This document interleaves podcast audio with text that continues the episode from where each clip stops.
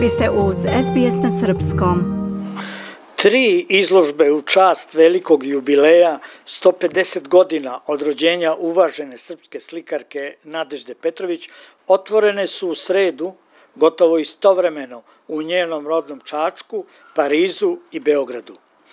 Jubilej Nadežde Petrović, koja je rođena 11. oktobra 1873.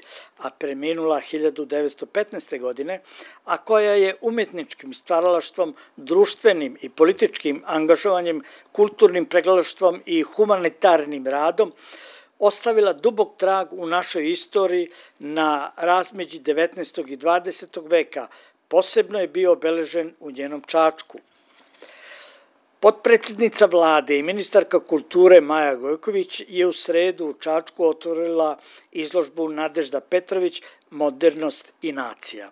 Izražavajući zadovoljstvo što se otvaranje izložbe dešava u rodnom gradu Nadežde Petrović i periodu u kom Čačak nosi titulu prestonice kulture Srbije, ministarka je kazala da to događaju daje dodatnu vrednost jer su ta prestižna titula i bogati programe i sadržaj koji je prate još jednom pokazali da je grad na Moravi među najvitalnijim kulturnim središtima u zemlji i regionu. Zatim je nastavila.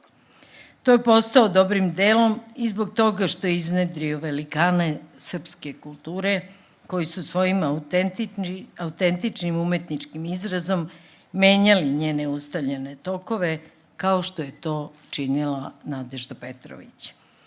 Njena sveukupna ličnost jedna je od najsjajnijih zvezda u bogatom sazvežđu srpske istorije i kulture.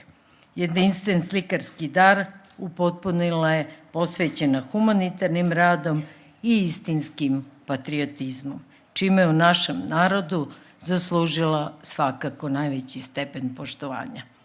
Želim ovde da iskažem svoje posebno zadovoljstvo načinom na koji smo se u godini kada obeležavamo veki po njenog rođenja kao Ministarstvo kulture i čitava kulturna zajednica i konačno kao društvo odužili jednom od najznamenitijih aktera u srpskoj kulturi. Izložbama i pozorišnim predstavama u zemlji i inostranstvu, među ostalog i u sedištu UNESCO, konzervacijom i restauracijom bronzane skulpture Nadežde Petrovića, autora Ivana Meštrovića i drugim događajima. Pokazali smo da Srbija nije i neće zaboraviti pojedince koji su obeležili njenu kulturu i pritom dali život za otačbinu. I danas ovde u Čačku imamo lepu priliku da vidimo kako izgleda kada vredno kulturno nasledđe i savremeno stvaralaštvo obogate jedno drugo negovanjem sećanja na Nadeždu Petrović na prvom mestu želimo da još više izgradimo svest o značaju i bogatstvu naše kulturne baštine. Takav pristup važan je i za privlačenje nove publike i za stvaranje nekih novih vrhunskih umetnika. Zato je bitno da u okeanu nepreglednih informacija kojim zasipa moderna tehnologija mladim generacijama što više približimo kulturu i umetnost. Dela Nadežde Petrović može da vidi i parijska publika. Postavka pod nazivom Nadežda Petrović u Parizu upriličena je u Kulturnom centru Srbije u glavnom gradu Francuske.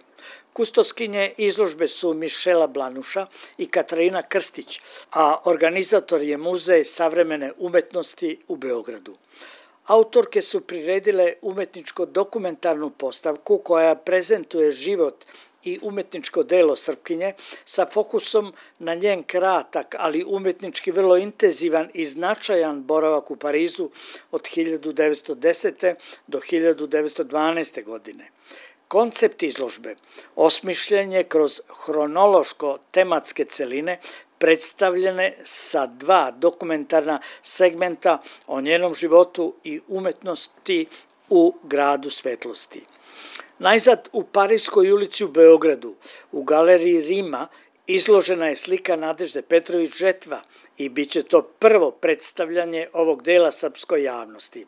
Slika pripada dragocenom segmentu Nadeždinog opusa koji čine dela najmanjih dimenzija koje ne prelaze 30 cm i rađene su na kartonu. A u susret 11. oktobru u svečanoj sali Palate UNESCO, koji je Nadeždin jubilej uvrsti u svoj zvanični kalendar važnih kulturnih dešavanja ove godine, priređena je digitalna izložba o životu Nadežde Petrović, njenom umetničkom radu i njenom značaju za razvoj savremene umetnosti u Srbiji. Iz Beograda za SBS Hranislav Nikolić. Želite da čujete još priča poput ove? Slušajte nas na Apple Podcast, Google Podcast, Spotify ili odakle god slušate podcast.